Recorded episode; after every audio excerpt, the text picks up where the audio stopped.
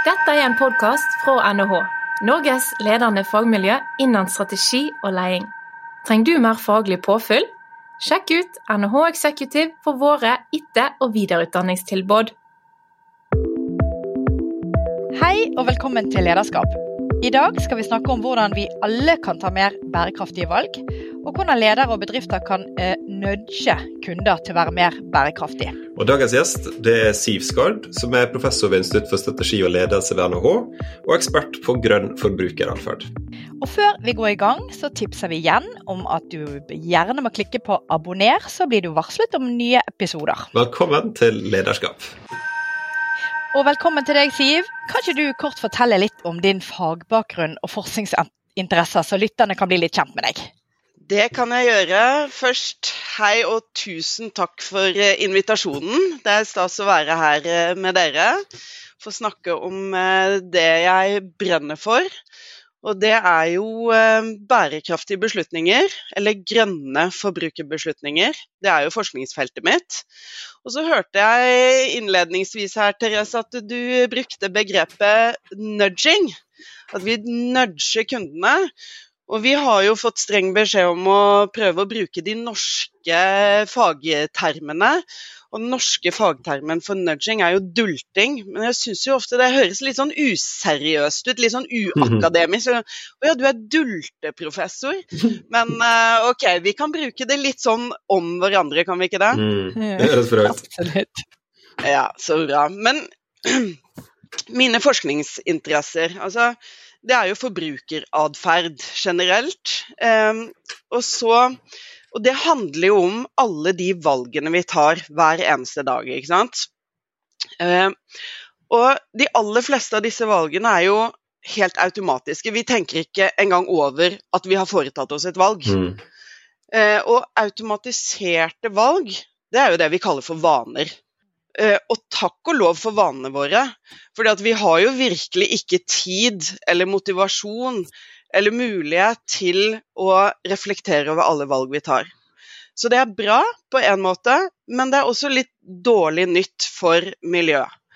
Fordi de aller fleste valgene vi tar, og de aller fleste vanene vi har, de er dårlige for miljøet. Så dette er utgangspunktet mitt. Eh, vi må endre vanene våre, men det er kjempevanskelig. Mm. For det hjelper nemlig ikke å være motivert.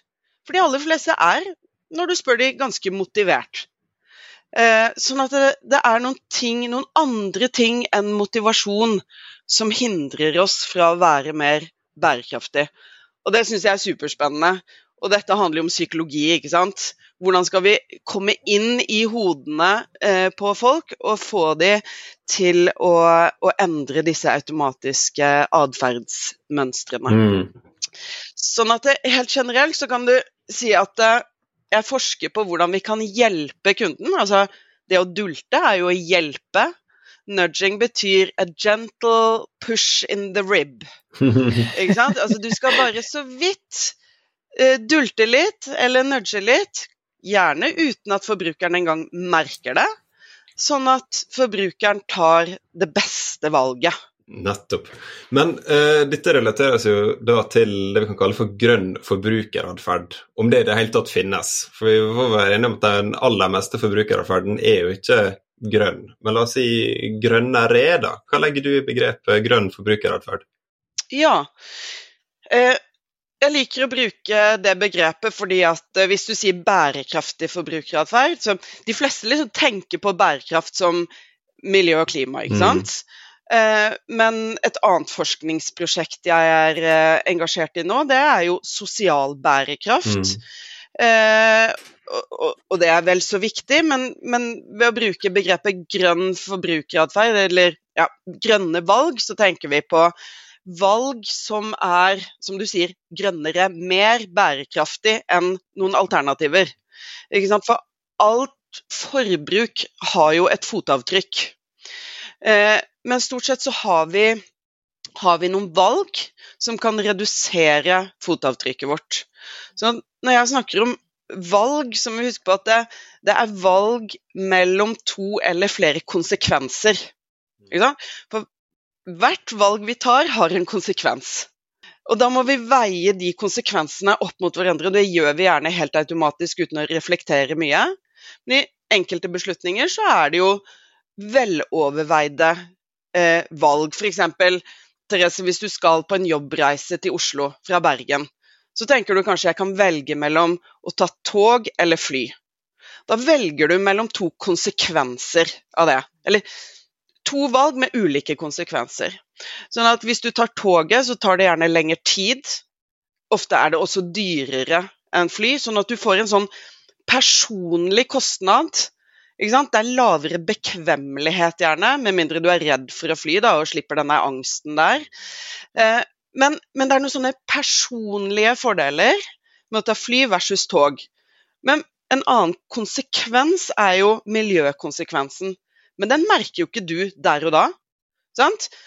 Kanskje merker ikke du det gjennom ditt livsløp engang. Det er fremtidige generasjoner. Altså, så du, du står der med et valg mellom en konsekvens for deg personlig og en konsekvens for fremtidige generasjoner, andre mennesker, kanskje på andre steder i verden. Altså, da begynner det å bli ganske komplisert, ikke sant. Og stort sett så velger vi det som er mest bekvemmelig og bra og billig for oss selv der og da. Mm. Ja, for det er jo det som er det store spørsmålet. Hva er det egentlig forskningen viser når det gjelder oss forbrukere, om vi tar disse grønne eller bærekraftige valgene? Dette har jo dere eh, masse data på. Ja, hva viser forskningen? Det er jo det er jo ekstremt mye forskning på dette her, ikke sant. Så å mm. oppsummere det kort, det, det er litt vanskelig. Men det som jeg tenker er viktig, det er også å se på eh, de funnene som går på barrierer, ikke sant. Fordi at eh, hvis, du, hvis, du, ser på forskningen som går på holdninger til eh, grønn atferd, så er jo eh, så er jo det ganske positive resultater. ikke sant? Mm. Fordi at eh, majoriteten av hvilken som helst befolkning omtrent vil rapportere at eh, ja, jeg er positiv til ideen om å endre min atferd i en grønnere retning. Ja, jeg er faktisk villig til å betale litt ekstra mm. for et bærekraftig alternativ. Og så kan du gå inn i markedsdata, og så ser du ja, hvordan oppfører folk faktisk seg. Og så og så er ikke det i tråd med den intensjonen eller de, den motivasjonen. Så det er et gap mellom holdninger og faktisk atferd. Og da er spørsmålet ja, hva er det som skaper det gapet? Og det er da jeg har lyst til å begynne å snakke om fotball. hvis jeg kan få lov til det da. Selvfølgelig, Siv. Vi elsker alle må, når du snakker om fotball. ja, sånn at Jeg må snakke om fotball. Og når jeg ser tilbake på min forskerkarriere, så så uavhengig av forskningstema, så ender det alltid opp med å handle om fotball også.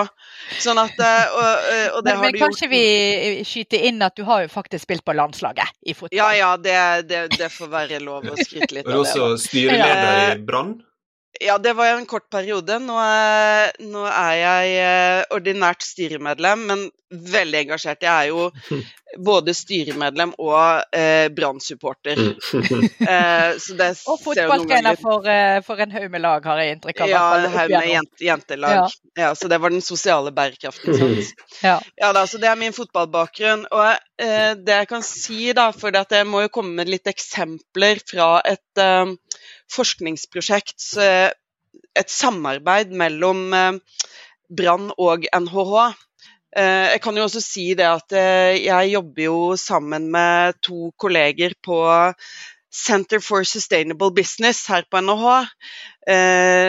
Lars Jakob Tynes Pedersen og Sveinung Jørgensen. Mm. Og vi er nå engasjert i dette forskningsprosjektet med Brann, der vi skal se på atferden til alle de tusenvis av menneskene som samler seg på hjemmekamp la oss si annenhver helg gjennom en mm. fotballsesong.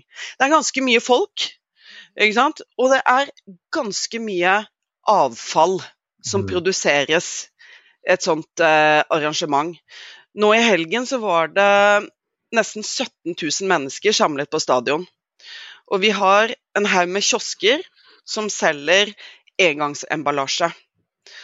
Og vi har sorteringsspann som står rundt på stadion. Eh, og da kan dere jo gjette, da. Eh, hvor mange prosent av alle kopper som selges Altså vi selger kaffekopper og bruskopper. Hvor mange prosent av de havner i det spannet som er merket med kopper? Hvis dere skal tippe. Oi, oi, oi. 10 Jeg er litt mer optimistisk. Jeg sier eh, 35. Ja. Foreløpige, foreløpige tall fra én kamp, én tribune som vi har tall på foreløpig, viser under 20 Mm. Eh, Det ble solgt eh, over 6000 av disse koppene.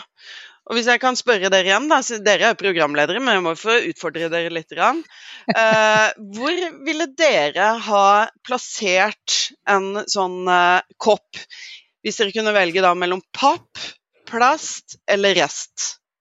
Hva er det rette stedet å plassere det? Jeg trodde det var papp, men jeg jeg vet jo ikke. For jeg har jo hørt kanskje at det er en sånn plastfilm utenpå en sånn pappkopp. Ja. Og hvis det er det, hvor skal det da? I plast? Ja, da hadde jeg sikkert tatt i rest. Da hadde jeg vært sånn. Søren Ja. heller. Jeg vet ikke hva jeg skal gjøre med denne koppen. Ja. Hva sier du, Nei, Jeg Telle? ville gjort det, jeg ville gjort det samme. Uh, vil det. Men jeg er sånn fyr som skyller plastemballasjen min hjemme, altså. ja, du er det, ja. Men gjør du det på jobb? Eh, jeg har etterspurt plastsortering eh, i kantina her Ja. nå, men uh, får bare gi, skjem til ledelsen om at eh, det kan bli bedre. Du, for det er jo litt morsomt. Det var en som sa til meg her forleden at eh, man blir jo en helt annen person bare man går fra et rom i sitt eget hjem til et annet. Altså, Mm. jeg er kjempeflink til å sortere på kjøkkenet, og så går jeg inn på badet, og så plutselig så er jeg helt elendig, Mm. for da går alt opp i det der bitte lille bosspannet. Mm. Sånn at vi, vi er det samme mennesket, men vi oppfører oss veldig forskjellig avhengig av kontekst. Er vi på stadion, er vi hjemme, er vi på badet, er vi på hytta? På hytta plutselig sorterer vi ikke lenger. Er vi på jobb? ikke sant? Sånn Det er jo litt interessant, for dere er jo opptatt av ansatte i bedrifter, og Mm. deres lyttere er gjerne det. ikke sant? Ja, det er mennesker, de også. Men hvordan har vi tilrettelagt for bærekraftig atferd? Ikke sant?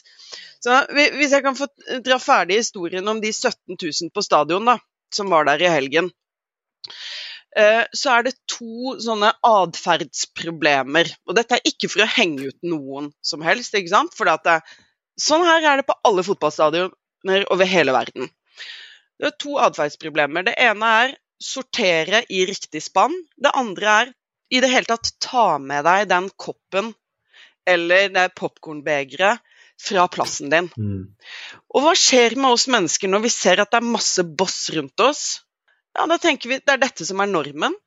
Du har jo studier som viser hvis det ligger masse sigarettsneiper på bakken, så er det større sannsynlighet for at du også hiver din der istedenfor i et bosspann. Mm. Det heter the broken window theory. Mm.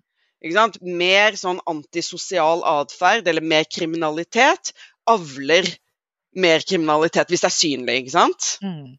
Så det er en sånn psykologisk mekanisme. Så dette forskningsprosjektet vårt på stadion, det har til hensikt å påvirke 17 000 mennesker, forhåpentligvis kommer det like mange hver eneste hjemmekamp, til å ta med seg bosset fra setet sitt. Og når de har gjort det, putte det i riktig spann. Mm. Mm. Og det er jo ingen eh, liten eh, utfordring dere nå eh, tar, tar for dere. Og da er det lov å spørre, eller er, det, er, er dultingen her det at det står et borspann med 'her skal du ha koppen din', eller hva Ja. er ja. Mm. Men det kan du si.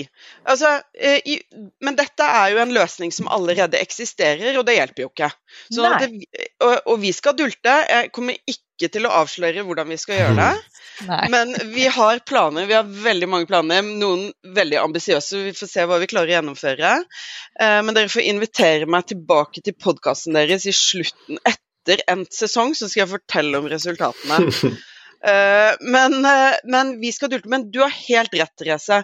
Det at det står hvilken fraksjon, altså hva slags søppel, skal i hvilken bøtte, det er en form for dulting. Og hva er det, hvilken barriere er det den bryter ned? Det som er viktig, er å kategorisere barrierene. Du har motivasjon, er det det som er problemet? Vil ikke folk? Eh, vil de heller fortest mulig ut av stadion? Er det andre behov som er sterkere? Mm. Antageligvis. Det andre er evne. Vet du, Therese, at den koppen skal der eller der? Mm. Ikke sant? Det er kunnskap. Mm. Mm. Og det siste er mulighet. Ja, er det en sånn sorteringsstasjon der? Er den full? Er det for lang kø? Mm. Ja, altså, skjønner du, Det er tre forskjellige barrierer. Du må forstå hva som er problemet, ellers så kan du ikke dulte riktig. Mm. Ok, men Da kan ikke du fortelle så mye om Brann-prosjektet akkurat nå, men kanskje du har eksempel på andre selskap som har eh, vært flinke på å styre forbrukeratferd i en grønnere retning? Ja, eh, det finnes jo, det finnes jo veldig mange eksempler, hvis vi, hvis vi tenker nudging, da, som eh, har fungert. Masse praktik, praktiske eksempler på det. Men jeg har litt lyst til å eh, forbli i idrettens verden, fordi vi har noen aktører i Norge som har vært veldig gode på å påvirke atferd. Og smerter jo litt, da, som, eh, som Brann eh, styremedlem og fan å trekke frem en konkurrent som vi nettopp tapte mot, nemlig Odd.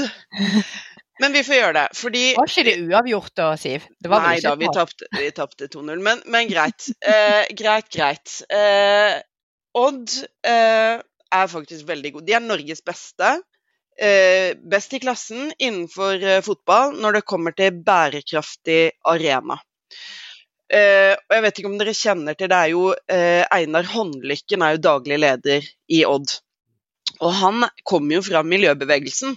Så da han kom inn i daglig lederposisjon der, så var han jo kjempetydelig fra starten av. Ja, jeg tar denne jobben, men vi skal eh, bli Norges mest eh, bærekraftige fotballklubb.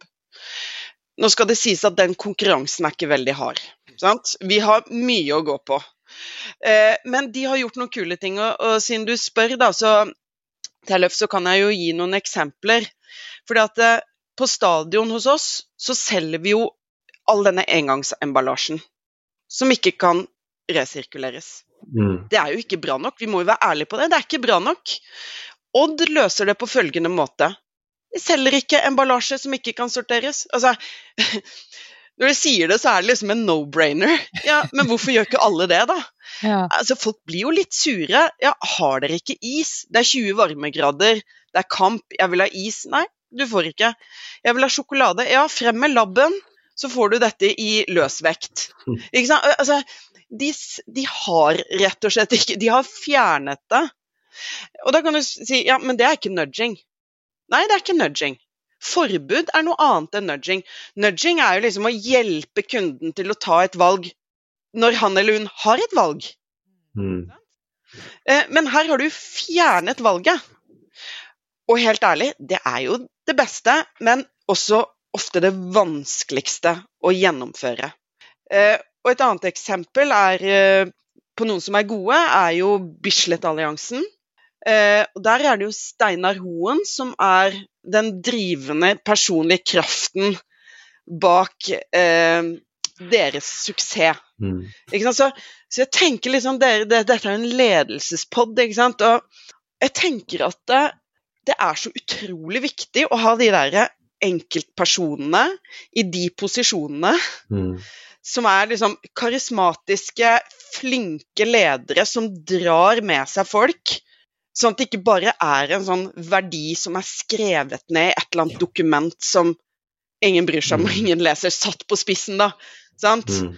Eh, så jeg må si at eh, selv om eh, Odd er konkurrent, så, så må jeg si at jeg, jeg er imponert over det de gjør. Og jeg håper at de har klart også å etablere dette som en kultur i, i sin klubb. At det ikke bare er personavhengig at den dagen i, i idretten får jo alle sparken til slutt, så den dagen han er ute av døren, ja, så er det noe som er etablert i kulturen der nede i Skien. Og det er det jeg ønsker at skal skje i Brann også. Mm.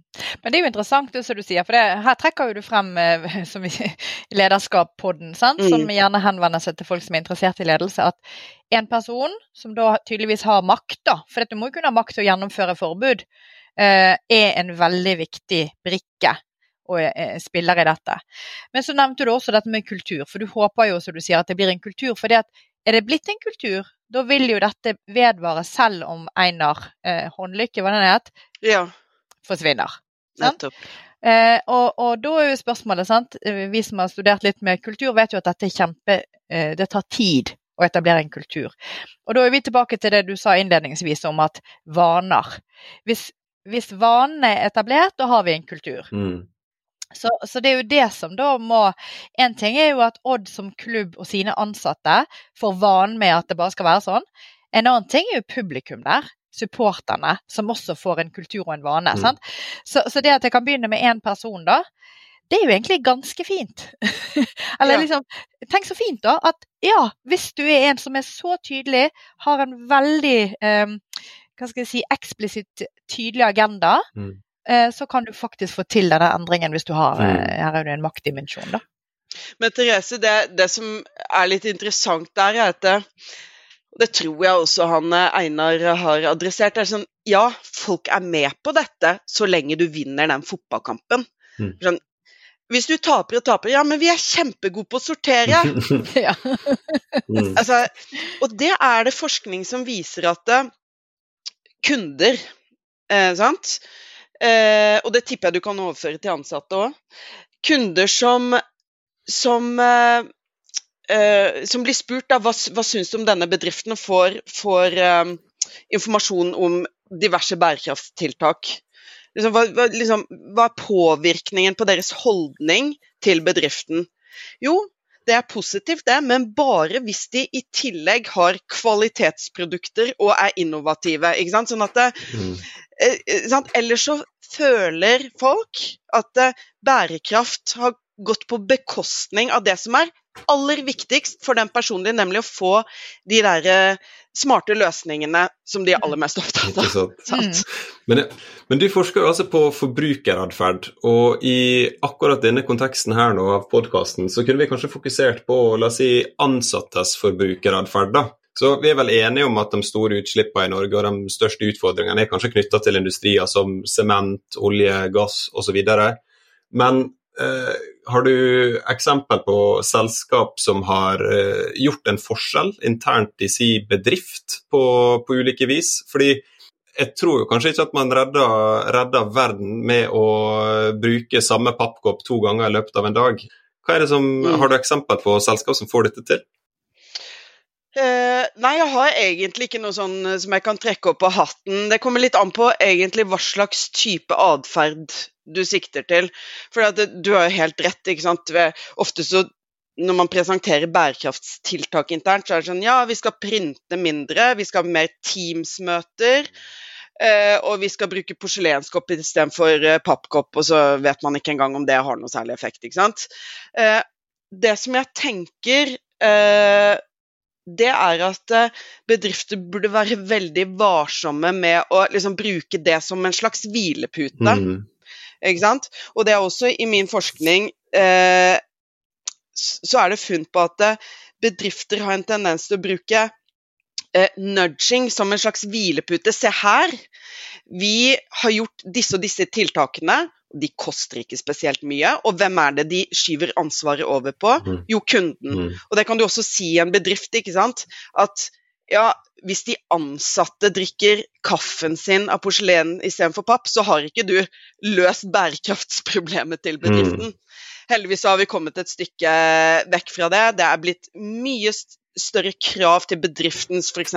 vesentlighetsanalyser, som skal dokumentere okay, hvilke tiltak er det som faktisk monner. Hva er det som er viktig? Det er en analyse som legger grunnlag for en prioritering. ikke sant? Og Da kommer du egentlig vekk fra den der fellen med å skyve ansvaret over på de ansatte eller kunden på helt minimalt impactfulle eh, atferder. Mm det jeg fikk assosiasjoner til, er jo litt det der med grønnvasking. Mm. Eh, og, og, det er jo noe vi, vi, vi, ser altså, Sånn sett utenfra, da, som ikke er innenfor dette feltet, Siv, så er det sånn Oi, så fint at bedrifter har begynt å bry seg om klima, kan jeg si sånn. Men, men hva holder de egentlig på med? Gjør de det fordi at det skal se bra ut? Eller mener de det faktisk? Eller er det noen rapporteringer de må svare ut? Så jeg er ikke helt overbevist om motivasjonen for å gjøre dette. Eh, og så får vi disse begrepene med grønnvasking og ikke osv. Og, og så er det noe med hva er driverne her? Og eh, er driverne det viktige, eller er det liksom det indre engasjementet i det? Altså hva, hva, hvordan skal vi løse dette? Ja. Ja, det, det spørsmålet har jeg tenkt veldig mye på opp igjennom. Det har vært en veldig sånn, viktig del av litteraturen på CSR, altså Corporate Social Responsibility. Veldig sånn, tidlig forskning på det var liksom Ja, vi kan skille mellom eh, genuin motivasjon og på en måte ytre motivasjon. Og så tenker jeg at det er altfor enkelt, ikke sant? Eh, fordi at eh, liksom, det kan sameksistere. Jeg syns det er litt sånn unaturlig å skille der. ikke sant? Så kan du jo velge, når en leder står og sier ja, vi skal gjennomføre dette og dette, dette er viktig, så kan du velge å tro at han eller hun er genuint opptatt av det de sier eller ikke, men det spiller på en måte ikke så stor rolle hvis du har gjort en grundig analyse av hvor er vårt største avtrykk? Hvilke eh, kapabiliteter har vi til å løse de problemene vi forårsaker? Hva er vårt ubetingede ansvar? Ikke sant? Så, eh, så ja, altså, jeg bryr meg egentlig ikke om hvor genuint det er. Selvfølgelig, hvis, hvis, det er en viktig driver, så ja, så er det viktig. Men jeg tenker at det, så lenge det blir økt krav om rapportering på bærekraft, så blir dette bare en naturlig del av business. Og du må dokumentere at du løser de problemene eh, som du selv forårsaker. Det blir et krav utenfra, ikke sant? Og gjennom reguleringer. Så det er akkurat som at den diskusjonen heldigvis ikke er så relevant lenger. Eh, jeg tenker at det er relevant hvis du på en måte skal være en leder som skal få med deg de ansatte. Da må de tro på, ikke sant? Eh, det kan kanskje dere svare bedre på, for det er liksom deres forskningsfelt. Men jeg vil liksom anta at eh, en leder som er karismatisk og troverdig og går foran som et godt eksempel, får med seg sine ansatte eh, på den atferden, da. Skulle tro du var ledelsesforsker, Siv. Mm -hmm. Ja, jeg skulle blitt det. Men det kan, jeg, kan jeg gi et eksempel på på hva vi har gjort på Brann stadion i administrasjonen der på akkurat uh, det du nevnte, Tellef. Men liksom, mm. du blir litt irritert på at du ikke har muligheten til å sortere riktig på arbeidsplassen din, var det ikke det du sa? Jo. Ja, for jeg er også irritert på det hver eneste dag, for nå er jo det det eneste jeg tenker på omtrent. Det er liksom sortering av boss. Og her står det ett søppelspann inne på kontoret. Men uh, i administrasjonen på Brann stadion så har de bare tatt ut bossbanene fra kontorene. Altså, du mm. kan ikke kaste boss der. Så du må Du har jo ikke lyst til å ha masse boss på pulten din, så du vil jo være motivert til å ta det med deg ut. Og da i gangen så står det eh, sorteringsstasjoner som er veldig tydelig merket. Mm. Så da har du egentlig gjort det vanskeligere å oppføre deg galt, ikke sant? Mm hvis den søppelkassen bare står under pulten din, så putter du det oppi der. For det det du gjør akkurat nå på eh, PC-en din, er så viktig. Det er så mye viktigere enn å gå mm. ut og sortere, ikke sant. Mm. Men en annen faktor, Siv, for jeg har en sånn studie i bakhodet som du har eh, snakket om, som jeg har hørt om, det, det er denne ketsjup-vasking. Eh, ja. For det som jeg får assosiasjoner til der, det er sånn Ja, jeg er jo motivert, jeg har sagt i holdningene mine at jeg har lyst til å velge bærekraftig. Produktet står der, eh, og det andre er, kan jeg sammenligne, men likevel velger man ikke bærekraftig. For man tror ikke på kvaliteten. Mm. Mm. Ja. Kan ikke du fortelle om det eksperimentet? For jeg synes det, det, det, det, sier noe om hvor komplekst det er. Det er tilrettelagt, det er ikke så dyrt. Her kunne du valgt, men du velger likevel ikke, for du tror mm. ikke det er godt nok. Ja, dette har vi jo forsket mye på. Du nevner det som vi eh, kaller for ketsjup-eksperimentet. da kan jeg jo mm. forklare litt, da. Eh, altså, det som, eh, eh, det som viser seg, er jo at hvis du gir forbrukere informasjon om et bærekraftig attributt, altså en egenskap ved et eh, produkt som er bærekraftig, så eh, antar man noe om kvalitet. Mm. Uten at man egentlig har rasjonelle argumenter for at de to tingene henger sammen. Mm. Men dette er jo assosiasjonslæring over tid som er vanskelig å avlære. Sånn at eh, hvis du går i butikken fordi du har et rør hjemme i huset ditt som er tett. Du skal ha en avløpsåpner. Og Så kommer du i butikken og så kan du velge mellom en bærekraftig avløpsåpner eller en som ikke er merket bærekraftig. Ja, Da er det sannsynlig at du velger den som ikke er merket bærekraftig, fordi du tror, antar at den virker bedre. Mm. Hvorfor er det sånn? Jo, vi tenker liksom kjemikalier, det må være noe sterkt. Ja, det er sikkert dårlig for miljøet, men det løser i hvert fall problemet. Ikke Mm. sant? Men hvis jeg sier til deg eh, Du har eh, tørr hud på hendene og skal gå og kjøpe deg en håndkrem. Du kan velge en bærekraftig eller en som ikke er merket bærekraftig. Ja, Da ville du kanskje valgt en bærekraftig fordi du tror den fungerer bedre. Da er det den som har høyest funksjonalitet. Mm. Ikke sant? Det vi har sett i vår forskning, er at vi må skille mellom eh, sånne soft-kategorier og sånne hard-kategorier. Altså sånne kategorier hvor funksjonalitet, styrke er viktig, versus kategorier der mykhet, skånsomhet er viktig. Mm. Så der skånsomhet er viktig, der er bærekraft plutselig en kvalitetsindikator. Men der hvor funksjonalitet og styrke er viktig, så er plutselig bærekraft en indikator på lav kvalitet. Ok, long story. I hvert fall. Vi måtte undersøke dette på sånn oppvaskspray. Mm. Så hadde vi en anonym eh, spørreundersøkelse blant studenter i Norge.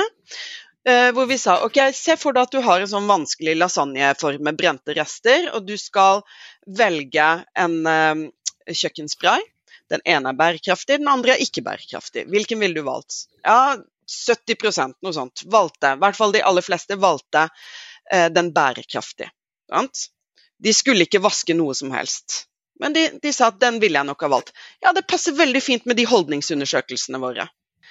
Eh, dette måtte vi teste videre, så vi inviterte NHH-studenter. Og dette er ikke for å henge ut NHH-studenter, for dette er jeg helt sikker på. Vi har hatt akkurat den samme effekten uavhengig av hvem vi hadde invitert inn. Men det var nå de som var her.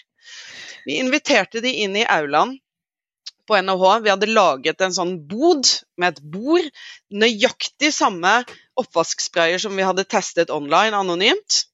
Vi hadde eh, smurt inn dagen før tallerkener med ketsjup som var tørket godt.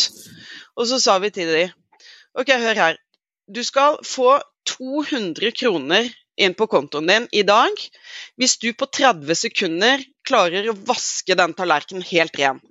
Mm. Sant? Eh, og de hadde hansker og, og svamp, og satte i gang å vaske. Men de måtte da velge bærekraftig eller ikke bærekraftig. Og da forsvant jo den bærekraftsfordelen som vi hadde sett i det Mm. anonyme, fiktive eh, eksperimentet først, ikke sant. Sånn at det, når det har, det, dette var jo et insentivert valg. Ja, da velger de det de virkelig tror fungerer best. Mm. Hm. Så da var det, Blant guttene så var det signifikant flere som valgte det ikke bærekraftig da, mens jentene, der var det en svak eh, eh, overvekt Mm. av ikke bærekraftig. Ja. Nei, jeg, jeg, det er jo interessant, da. Jeg, ja, jeg, det er det jeg syns er veldig interessant. For det, det handler jo disse, om disse vanene, hva man tror på. Du kan ha motivasjon, du kan ha kunnskap. Men du skal ta det valget der og da. Og da er det nettopp for, for forskere innenfor dette feltet hva er rotårsaken, hvordan skal vi knekke den koden. mm. Men det virker jo som dere har begynt å finne ut av dette, Siv. Hva, hva er tipsene der ute til å få dette til? Ja, det skulle jeg ønske at jeg kunne komme med gode nyheter. For det foreløpig så har vi forsket mest på å forstå barrierene.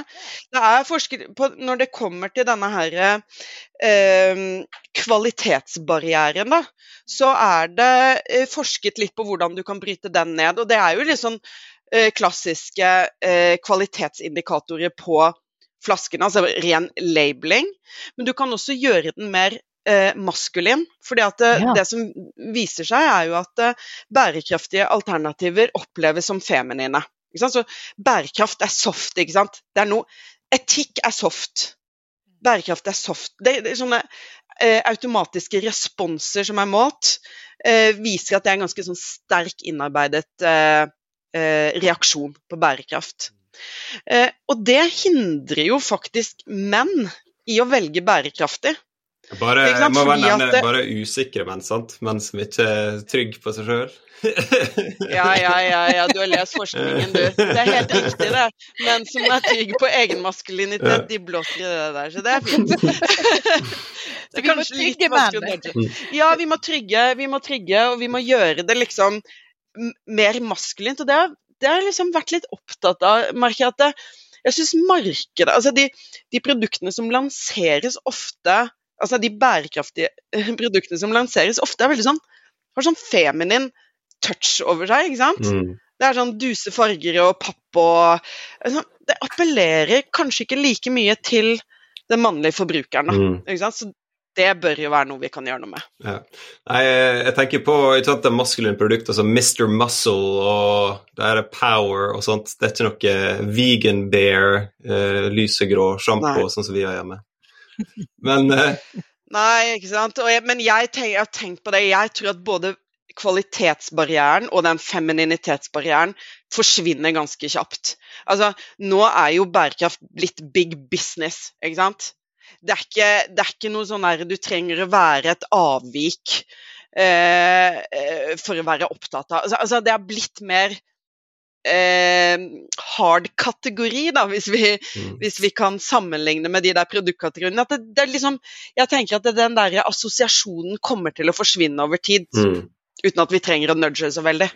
Men, men da må jeg spørre eh, om vi, vi er vel enige om at sant, de store utslippskategoriene, de store avfallskategoriene, de er gjerne knytta til storindustri. Sant? Men her har vi et eh, premiss om at eh, enkeltindivids atferd kan ha en effekt. Har dere f.eks. regna på hva effekten av eh, branneksperimentet nå kan være? Altså, Hvor mye vil det ha å si å endre atferden til ansatte på ei bedrift? Nei, eh, det har ikke jeg regnet på. Og det som, øh, det som kan være litt sånn frustrerende, er jo at det er, det er så sammensatt. Problemet er så sammensatt at det, det er egentlig et veldig godt spørsmål. Og, eh, og eh, eksperimentet vårt på stadion nå illustrerer veldig godt at det er ingen quick fix på dette. Fordi det som selges i våre kiosker, kan ikke resirkuleres. Så det vi gjør nå, det er å forsøke å påvirke atferden til publikum.